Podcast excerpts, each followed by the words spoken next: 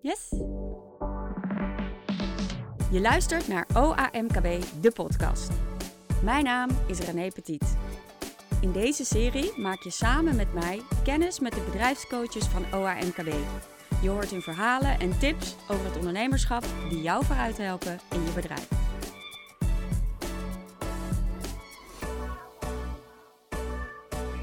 Je winstmarges haal je door je resultaten te meten en op tijd bij te sturen. Dat zegt Bas van Koten, onze bedrijfscoach eh, bij OMKB. En jij bent helemaal gespecialiseerd in de horeca. En vooral in het meten en bijsturen. Dat klopt. Dankjewel dat jij er bent, eh, Bas. Leuk dat je er bent. Zeker. Ehm, even kijken. Als je zegt, kijk, de horeca is eh, natuurlijk een andere tak van sport dan de meeste andere branches. Maar ik denk dat bij de horeca dat het mooi is om die te, te nemen als voorbeeld bij het meten en bijsturen. Want die marges zijn heel smal, toch? Dat klopt. Ehm, ja, eh, in de horeca moet je veel omzetten en, eh, om, om een fatsoenlijk resultaat te- te behalen. En inderdaad, de marges zijn dun, dus ehm, moet je heel erg eh, kort op de bal zitten. Wil je ook je resultaten behalen die je van tevoren eigenlijk bedacht hebt. Ja. En wat, wat valt jou op eh, bij horeca-ondernemers? Nou ja, veel horecaondernemers, en ik wil natuurlijk niet generaliseren, maar veel ho- horecaondernemers zijn wel mensen van de praktijk. Hè. Eh, mensen kiezen voor gastvrijheid, ze hebben een passie en dat is ofwel die gast aan tafel eh, helemaal eh, in de watten leggen, of eh, fantastische gerechten bereiden, of eh, een, een mooi, eh, mooi hotel eh, runnen. En eh, ja, als je aan de ene kant heel erg excelleert, betekent dat vaak dat je aan de andere kant iets minder eh, affiniteit hebt met bijvoorbeeld eh, cijfers. Ja, Ja. Ik denk ook als je de hele dag gewerkt hebt en eh, dat voel je in je voeten of eh, dat voel je in je benen en dan eh, als je dan nog naar je cijfers moet gaan kijken. Ja, dat is, dat is natuurlijk echt wel een uitdaging, maar ook echt wel heel erg noodzakelijk. Ehm, dus ehm, ja, het is belangrijk dat de ondernemer het zich makkelijk maakt door in ieder geval een aantal systemen te gebruiken die best wel veel informatie makkelijk kunnen presenteren. Want ja, je ontkomt er niet aan om regelmatig te kijken van haal ik datgene wat ik van tevoren bedacht heb. Oké. En ehm, kun jij een voorbeeld geven van een bedrijf waar jij bent geweest, waar je toen echt gekeken hebt naar die marges? Ja, ik heb, eh, er er zijn meerdere bedrijven die eh, best wel worstelen met het feit van eh, ik heb allerlei systemen, er komt heel veel informatie uit, maar die informatie staat op allemaal verschillende plekken. Ik vind het lastig om die goed te interpreteren en wat is nou echt belangrijk? En eh, ja, zo kom ik wel eens bij een bedrijf en die zegt, eh, ja, weet je, waar moet ik eigenlijk beginnen? Er is eigenlijk zoveel informatie, maar ik weet eigenlijk niet zo goed wat ik met die informatie moet doen. En ik weet ook niet zo goed hoe ik dat moet interpreteren, zodat ik weet van wat moet ik nou veranderen om wel die resultaten te behalen. Ja, want eigenlijk doet een horeca-ondernemer die begint, die gaat, eh, die is mooie omzet aan het maken, mensen blij maken, tevreden, returning customers, alles gaat goed. En dan aan het eind van de maand kijkt hij op zijn rekening en dan denkt hij, Ja, oh, dat, ja, dat valt tegen. daar valt vaak tegen. Ja, ja dat klopt. Ehm, ehm, eh, ik, ik adviseer altijd ondernemers, zeker aan het begin, om te bepalen van wat vind je nou echt belangrijk in je bedrijf. Hè? Wat zijn nou die kernwaarden die, eh, waar jij eh, mee aan de slag wil? En zorg nou dat wat je nou belangrijk vindt, dat je dat in ieder geval gaat meten. En dat betekent, Zoals? nou, het kan zijn dat als jij eh, een, een, een hele prettige werkomgeving wil creëren voor je medewerkers, ja, dan moet je kijken of, ja, of je dat ook wel bent. Ehm, op het moment dat jij zegt van, hè, het moeten niet loze woorden zijn. Dus ehm, als je zegt ik ben een goede werkgever, moet je dat laten zien. En moet je dat ook meten. En dat kan niet anders dan dat je je medewerkers bevraagt en dat je onderzoek doet of je nog steeds wel een aantrekkelijk bedrijf bent. Ja. En dat kan dus met behulp van KPI's, hè, dat noemen we dat. Eh, kritische prestatieindicatoren. Eh, en Welke KPI zou je dan kiezen? nou, eh, als je kijkt naar eh, ehm, eh, of je een goed werkgever bent en of je aantrekkelijk als bedrijf bent, dan kun je bijvoorbeeld de attractiewaarde meten. Op het moment dat je een vacature zet, hoeveel reacties krijg je daar nou op? Ehm, je kan medewerkerstevredenheidsonderzoek doen, maar dat hoeft niet uitgebreid. Er zijn ook allerlei systemen, zoals een kassasysteem, waarin je op dagbasis gewoon even kan aangeven van, hé, hey, eh, hoe voel ik me vandaag? Of inloggen met je sleutel en dan meteen... En, en, je, en, je, en je toetst eh, een cijfer van 1 tot 10 in en je hebt gelijk als werkgever eh, een impressie van, hey, gaat het de goede kant op? Klimt het? Daalt het? wisselt het te veel? Nou, daar kun je wat mee. Ja. En daar moet je dus ook wat mee als je dat als pijler hebt van je bedrijf. Ja, want het is nu wel heel actueel natuurlijk, want personeel is amper te krijgen voor de horeca. Zeker. Dus dan, uh, dan zou je dat als speerpunt kunnen nemen. Ja, ik denk dat het heel erg belangrijk is dat uh, als je een aantal kernwaarden hebt. Het is altijd heel moeilijk om al die informatie tegelijkertijd tot je te nemen. Maar uh, kies er een paar uit en begin daar in ieder geval mee. En op het moment dat dat goed gaat en je hebt dat in de, goed in de smiezen, dat je daarna gaat kijken van goed, wat, wat moet ik voor de rest nog bijsturen? Maar ja. je ontkomt er niet aan door het helemaal los te laten. Oké. Okay. En um, bijvoorbeeld, uh, jij gaf mij vorige keer het voorbeeld van het visrestaurant. Ja, ik denk dat uh, dat is een goed voorbeeld uh, wat betreft ehm, een bedrijf. dat was een bedrijf die echt wel heel goed zijn kostprijscalculatie deed. Dus die heeft van tevoren echt gekeken de gerechten die ik ga serveren.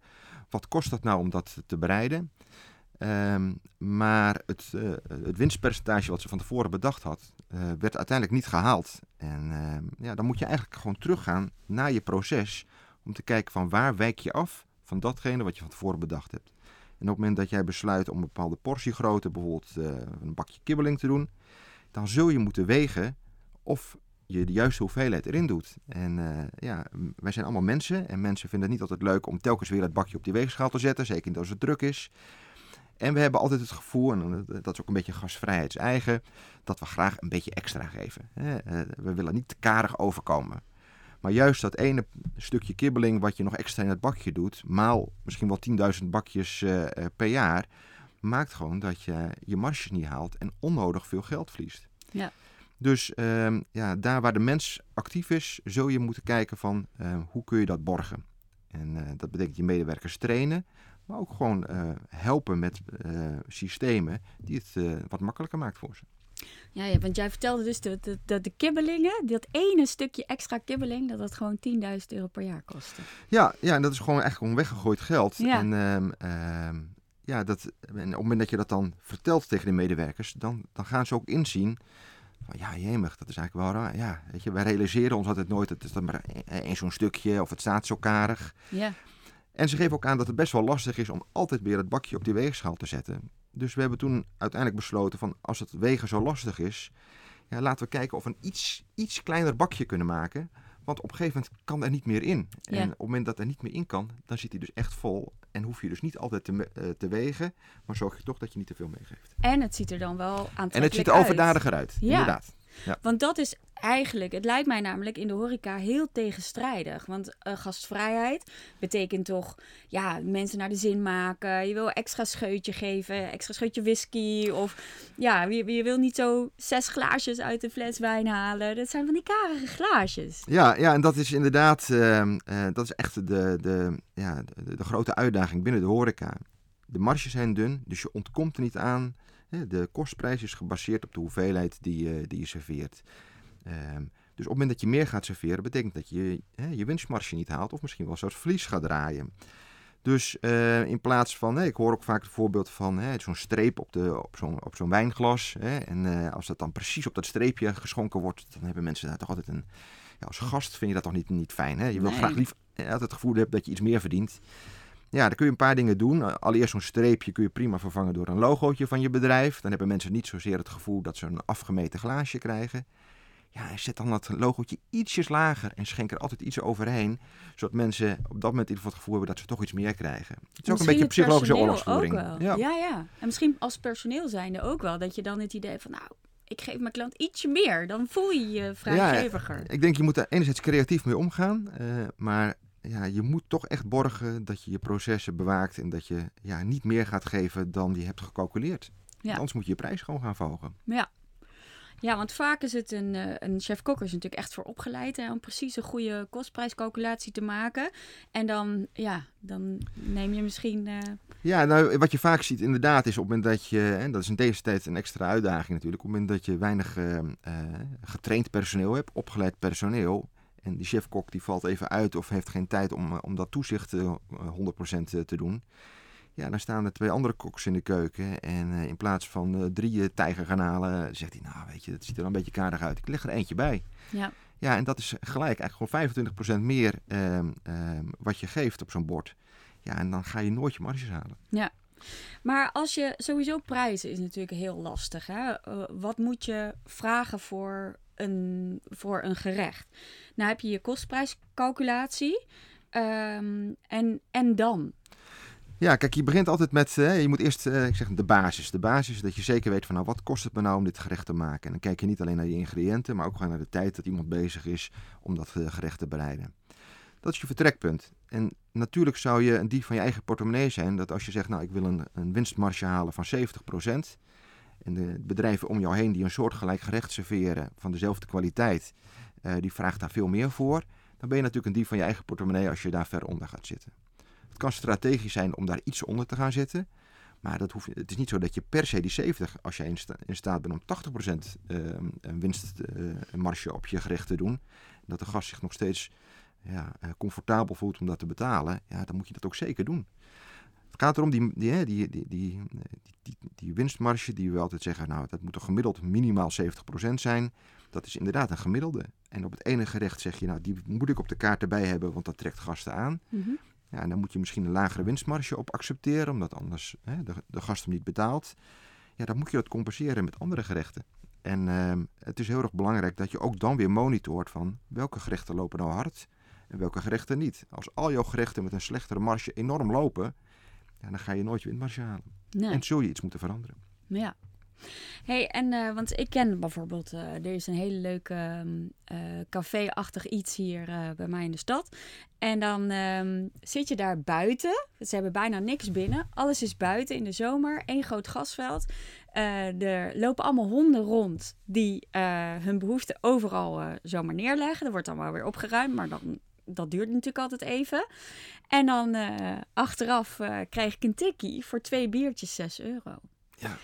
6 euro voor een flesje bier. Voor, voor een grasveldje. Ja, ja, dat is de. Het, um, en vol. Het zat vol ook. Ja, het, het, het is inderdaad vol. En de, de, um, als, zolang de, de consument zich prettig voelt om die 6 euro te betalen. En uh, daarmee is de ondernemer succesvol. Ja, dan heeft hij dus een situatie gecreëerd.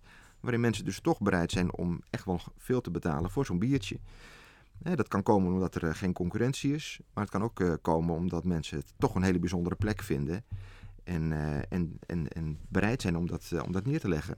Ja. Maar op het moment dat, in, in jouw geval geef je al aan, ja, weet je, ik zit daar, er zit, ik zit een beetje tussen de hondenpoep, ik heb toch, toch het gevoel dat, dat het wel veel geld is ja, eh, past het wel bij jou? Ben jij dan misschien wel de, de, de doelgroep waar ze op, uh, op gericht zijn? Ja, duidelijk niet. Nee. Um, misschien, misschien niet. Um, en zolang er maar genoeg andere mensen komen die wel bereid zijn om te betalen, zal zo'n ondernemer dat niet zo snel gaan veranderen. Ja. En, uh, en gelijk heeft hij. Anderzijds, uh, uh, ja, hondenpoep tussen de stoelen zou je uh, ten alle tijde moeten vermijden, denk ik. dat zou ik ook wel denken, ja. Precies. Ja. Dus je kunt ook kijken inderdaad van, want dan als je je prijzen verhoogt, krijg je misschien minder mensen, maar wel die beter passen bij je doelgroep. Dus dan ga je ook kijken naar stoelbezetting en dat soort dingen. Ja, het, het uitgangspunt moet altijd zijn, um, um, Ehm, is het, uh, de, past de prijs bij, bij je concept? Ehm, eh, sluit het aan bij de wensen van je doelgroep? Kun je de, de, de verwachtingen die je daarmee misschien wel wekt, daadwerkelijk ook waarmaken? Op het moment dat jij een fantastisch biertje krijgt in een heel erg mooi voorgekoeld glas op een plek waar het fantastisch is, ja, weet je, dan ben je echt wel bereid om wat meer te betalen. Maar ook daar belangrijk is, ehm, op het moment dat je je prijzen verhoogt, moet je meten wat is het effect. En de, uh, je, je meet de gemiddelde besteding, dat kan een KPI zijn. Je kan dat ook koppelen aan een medewerker. Wat is nou de, de, de omzet die elke medewerker uh, realiseert? Um, maar goed, op het moment dat je het gevoel zit, hebt dat je, dat je vol zit qua bezetting en eigenlijk meer zou willen, en uh, de vraag zo groot is dat je het niet aan kan, ja, dan kun je ook overwegen om bijvoorbeeld een, een extra shift te maken. Dat je mensen zegt, nou tussen een bepaalde tijd doen we de eerste shift en daarna doen we nog een tweede shift. Daarbij moet ik ook zeggen dat sommige mensen dat minder prettig vinden. Die voelen zich misschien opge opgehitst. Op het moment dat je daar genoeg tijd de ruimte voor hebt, dan kunnen mensen ontspannen eten en kunnen daarna mensen ook nog eten. Ja. En als je al, en zelfs als je die maar voor de helft gevuld krijgt, ja, dan doe je natuurlijk veel meer omzet. En dan is die kleine marge die je op al die gerechten en drankjes haalt, maakt samen dat je een prima resultaat uh, behaalt. Ja, ja, Oké, nou dat zijn al dingen om te meten inderdaad. Uh, dus daar kunnen we al meer onze marge mee halen. Uh, hoe werkt het dan voor een hotel bijvoorbeeld? Ja, voor een hotel is het heel erg belangrijk. Uh, het lastige bij een hotel is natuurlijk dat je een vergankelijk product hebt. En daarmee bedoel ik eigenlijk op het moment dat ik een hotelkamer vanaf, vanavond niet verhuur, ja, dan is dat gewoon verloren omzet. Dat kun je niet meer goed maken. Ehm, dus dat betekent dat je ten alle tijde moet streven naar de meest optimale bezetting tegen de meest optimale prijs. En dat betekent ehm, dat je um, yield management moet toepassen, of revenue management noemen ze dat ook wel. Dat komt vanuit uh, de lucht, luchtvaartmaatschappij. Uh, daar kennen we het idee van de ene dag betaal je voor een ticket misschien 100 euro en een andere dag, en dat zal dan te maken hebben met, met vraag en aanbod, dan ehm, is zo'n ticket vele malen duurder. Nou, dat, dat doen ze ook in de hotellerie. En op het moment dat ze het nog niet doen, is dat absoluut aan te raden. Want je hebt gewoon periodes dat er meer vraag is dat er mensen bereid zijn om meer geld te betalen voor die hotelkamer, omdat ze nu eenmaal bij bijvoorbeeld een congres in de buurt moeten zijn. Nou, dan zou het zonde zijn dat je je hotel vult met prijzen van mensen die uh, veel minder betalen. Omdat je dan al vol zit, Omdat je al zij vol nog zit. willen, willen dus, boeken. Dus, dus um, met yield management probeer je heel erg goed vooruit te kijken. Um, wat gaat er gebeuren? Wat zijn er voor evenementen? Hoeveel vraag is er op zakelijk gebied? Zijn er seizoenspatronen? Maar je probeert ook heel erg te leren vanuit het boekingspatroon, vanuit het verleden. Als je die samen zaken samen combineert, dan kun je veel beter inspelen op vraag en aanbod. En telkens ehm, de, het meest optimale rendement halen uit elke doelgroep. Ja, ja, slim. En dat meet je met, uh, met yield management percentages, met, uh, met REFPAR, dat is de, de omzet per beschikbare kamer. Allemaal van die KPI's die je gewoon een inzicht geven in de kwaliteit van je verkopen. Want daar draait het om de kwaliteit van je verkoper, de marge per verkoop. Ja, er zijn, uh, ik, ik, ik ben wel eens bij een hotelier geweest. Die zei, nou, we hadden vannacht een gemiddelde kamerprijs van wel 200 euro. Ik zeg, nou, maar hoeveel kamers heb je dan verkocht? Ja, ja, vier. Ja, ik zeg, dat is wel jammer als je, als je 30 kamers had. Want dan had je misschien beter het dubbele kunnen verkopen voor twee derde van, de, van dat tarief. Dan had je meer, uh, meer omgezet. Ja. Oh ja, ja, ja. Ja. Dat, is vaak ook wel een. Uh, maar dat is een spel, denk ik ook, toch? Of, ja, dat is, dat, is, dat, dat is eigenlijk snappen waar het om draait. En je niet laten misleiden door uh, ja, uh, KPI's die je niet te doen. We hebben een heleboel van dat soort zaken die we meten. Maar je moet alleen die dingen meten die van waarde zijn voor jou en waar je impact op, op kan hebben. Oh ja. Die echt bijdragen aan een hoger resultaat. Ja, en daarom is het, is het kiezen. Weet je, je kan overstroomd worden met allemaal KPI's. Nou, die is allemaal, het is niet allemaal te meten. Het is een heleboel werk om dat goed bij te houden, inzichtelijk te maken. En daar heb je allerlei wel tools voor die informatie uit verschillende systemen, als kassasystemen, reserveringssystemen, reviewprogramma's enzovoort enzovoort. Maar kies er een paar waar je echt het verschil mee kan maken. En weet je, op het moment dat dat goed gaat, kun je altijd uitbreiden. Als we gaan meten bijsturen, um, dat noemen we dashboarding, toch?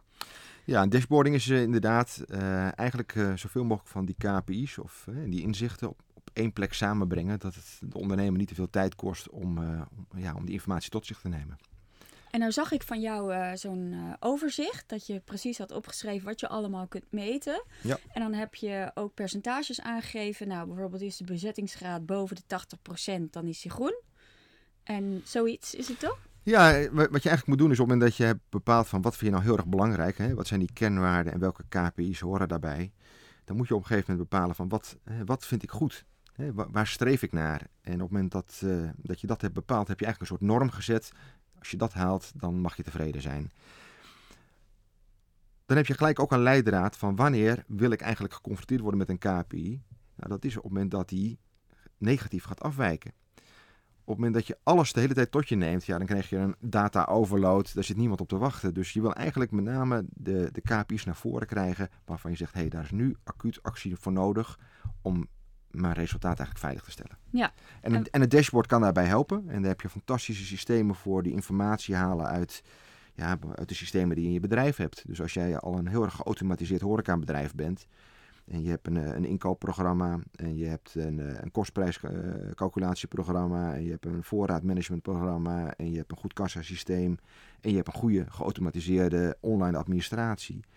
Dan kan zo'n dashboard belangrijke informatie uit die verschillende systemen halen, dat combineren en dat geeft je eigenlijk het beste inzicht in hoe je, hoe je presteert. Ja, dus van tevoren bedenken wat vind ik belangrijk. Dan de normen bedenken. Oké, het moet boven de 80 of de 90 procent. Dan pas ben ik tevreden. Dan is het groen. En daartussen, en dan eh, wat, wat vind ik echt heel slecht, dat wordt rood en ertussen is oranje.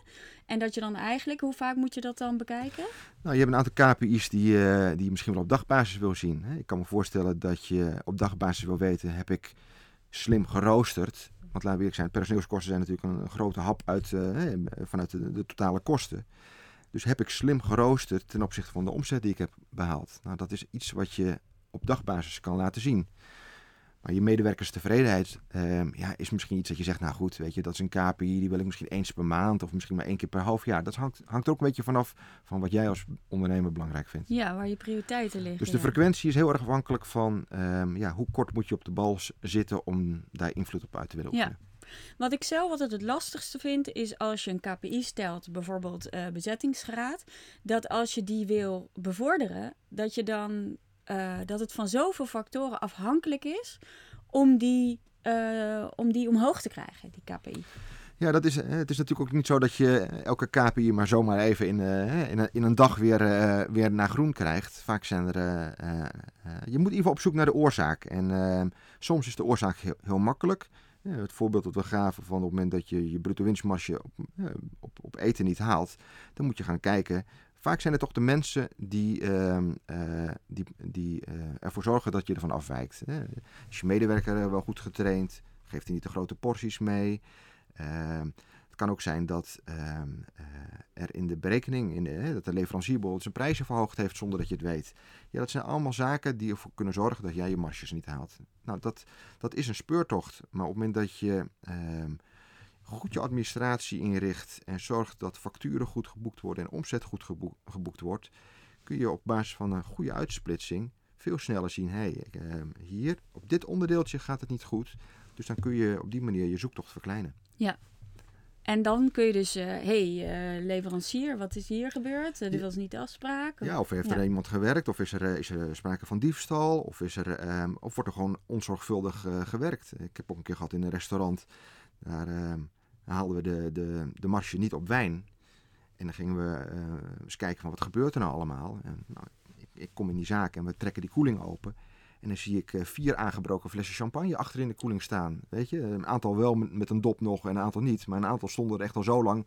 Weet je, kon, kon gewoon weggegooid worden. Ja, als je telkens uh, niet die koeling goed bijhoudt en niet de eerste restjes opmaakt ja, dan ga je gewoon een heleboel zaken uiteindelijk moeten weggooien. Ja, dan haal je je marges ook niet. Dus de oorzaken zijn vaak heel divers. En ik denk in de horeca is verspilling toch wel een van de grootste beïnvloedbare. Ja, het is, het is, het is verspilling. Um, en natuurlijk heb je ook te maken met personeelsverbruik. Of er wordt eens een keer een drankje aangeboden om, uh, voor, voor een relatie. Uh, er valt eens een keer iets uit, uit je handen. Belangrijk is dat je die geval registreert. Want als jij je marge niet haalt en je kan dat verklaren, geeft het ook rust. Want op het moment dat je het niet kan verklaren, dan kan het van alles zijn en dan heb je dus ook geen grip. Ja, heb je geen controle, kan je niet bijsturen. En kun je dus ook niks doen om je resultaat wel te behalen. En niets is, eh, niets is frustrerender dat je uh, de hele maand inderdaad uh, enorm heb, hard hebt gewerkt. Je zaak heeft volgezeten. Ja, en als je dan niks overhoudt, ja, daarvoor ben je geen ondernemer geworden. Ja, dat is heel pijnlijk. Ja. ja. Ja. en als je er heel goed in bent. Ik weet wel, ooit in mijn studententijd werkte ik ehm, in de horeca. En toen zei mijn mijn baas, noem je natuurlijk daar, uh, die zei ja, de tossies zijn uh, deze zomer een kwartje omhoog. Want uh, dan kan ik aan het eind van de zomer kan ik een boot kopen. Ja, ja, ja, ja, ja. Nou goed, ik, weet je, geld verdienen is geen schande. Dus ehm, er is veel nieuws, er wordt vaak gesproken over, ja, weet je, de horeca verhoogde prijzen weer. Ja, dat is natuurlijk gewoon met een reden. Alle kosten gaan omhoog, dus dan um, um, je, je mag als ondernemer ook gewoon uh, een goede boterham verdienen. Dat is geen schande. Dat is gewoon iets dat je, dan doe je de dingen goed. Ja, ja. Precies, mooi. Mooi gezegd. Hey, en uh, wat ik ook altijd heel interessant vind, waar jij het wel eens eerder over gehad hebt, is uh, menu engineering. Nou ja, goed. Kijk, het is altijd goed om te, te, te weten waar je staat. Ehm, je, je, meet door middel van die KPI's hoe, je, hoe je presteert. Maar er zijn een heleboel zaken waarmee je toch ook je resultaten kan beïnvloeden. En ehm, eh, eh, goede menu engineering, oftewel eh, een, slimme, menuopbouw, de, de juiste calculaties, maar ook een hele goede menukaart dragen gewoon bij aan een goed resultaat. En dat is een stukje psychologische oorlogsvoering. we weten dat op het moment dat je bijvoorbeeld geen euroteken op je menukaart zet, dat dat een positief effect heeft naar de gast. Dan heeft de gast niet het gevoel dat hij dat, dat je gerechten duurder zijn. Uh, dure gerechten zet je nooit bovenaan, maar ook niet onderaan, maar altijd ergens in het midden. Eh, als jij een bepaald gerecht met een goede marge eh, meer wil verkopen, dan zet je er een kadertje om, er, eromheen. En zo zijn er een heleboel andere zaken die uiteindelijk helpen bij het ja, ehm, ehm, ehm, de, de gast beïnvloeden om, om de juiste keuzes te maken die voor jou interessant zijn. En daar heb je helemaal geen personeel voor nodig. Dat is eenmalig goed zitten aan zo'n menukaart, goed indelen, al die trucjes toepassen. Ja, en dan, dan gaat het voor je werken. Ja, slim. Mooi. Um, voor de mensen die nu luisteren en die uh, willen gaan uh, beginnen of eens te kijken naar hun eigen resultaten mee te bijsturen. Wat zou jij kunnen aanbevelen? Het gevaar is altijd dat, uh, dat je op zoek wil naar perfectie en dat je alles tegelijkertijd wil gaan meten. Nou, dat is vaak gewoon geen goed, goed begin. Ik zeg altijd begin klein. Kies drie, vier KPI's die voor jou echt van belang zijn en focus je daar eerst maar eens op. Op het moment dat dat goed gaat en je bent gewend om daarmee aan de slag te gaan, ja, dan kun je altijd uitbreiden. En, en op het moment dat jij ziet hoeveel geld dat voor je gaat opleveren, is het zeker waard om ook eens te kijken naar inderdaad een mooi dashboard. Maar uh, door middel van Excel, desnoods gewoon uh, in je systeem even kijken van, naar die paar parameters die je die informatie verstrekken. Ja, dan kun je al heel erg goed aan de slag. Ja. En voor restaurants zou ik zeggen, ja, weet je, dat zijn echt wel de zaken die het meeste impact hebben op je resultaat. Dat is je, je, ehm, je bruto winstmarge. Uh, hou je die? Eh, je arbeidsproductiviteit, hè, waarbij je kijkt van uh, rooster ik slim en, uh, en leveren deze medewerkers met het meeste geld op. En in een hotel kijk je echt wel naar REFPAR. Hè, dat is de, de omzet per beschikbare kamer. Dat zegt iets over de kwaliteit van je verkopen. Ja, en, en, en je yieldpercentage. Dat geeft echt een, perfect weer of je het maximale eruit hebt gehaald. Ja, oké. Dankjewel. Um, dus als ik het goed begrijp, hebben wij vandaag geleerd dat je kunt je winstmarges halen door uh, je resultaten te meten en op tijd bij te sturen. En um, goede kostprijscalculatie met daarbovenop de bruto winstmarge, waar dus alle kosten in zitten, plus het stukje winst wat je wil hebben. En op het moment dat je dat registreert en dan begint met drie KPI's, kun je dus kijken als het afwijkt van waar komt dat nou door. En vaak is dat dan door personeel. En een stukje training, een stukje voorbereiding, een stukje menu engineering, een stukje slim uh, beschikbaar maken van je kamers. Ja, dat is uh, inderdaad, het is echt kort op de bal zitten. Uh, de theorie is, is altijd, uh, dat is je vertrekpunt. Maar je moet zorgen dat je niet aan het eind van de streep verrast wordt omdat je je resultaten niet hebt behaald. En daarom meet je tussentijds om tijdig bij te sturen om in ieder geval het maximale resultaat te behalen. Ja, en geld verdienen mag. Geld verdienen mag zeker.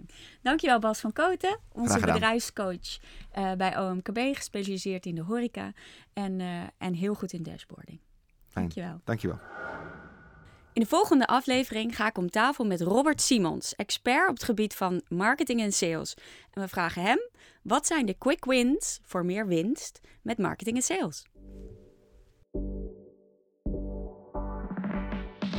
Bedankt voor het luisteren naar OAMKB, de podcast. Download nu ook onze app Bedrijfscoaching in 2 minuten per dag. Voor een goed lopend en winstgevend bedrijf. Je vindt de app in de App Store en op Google Play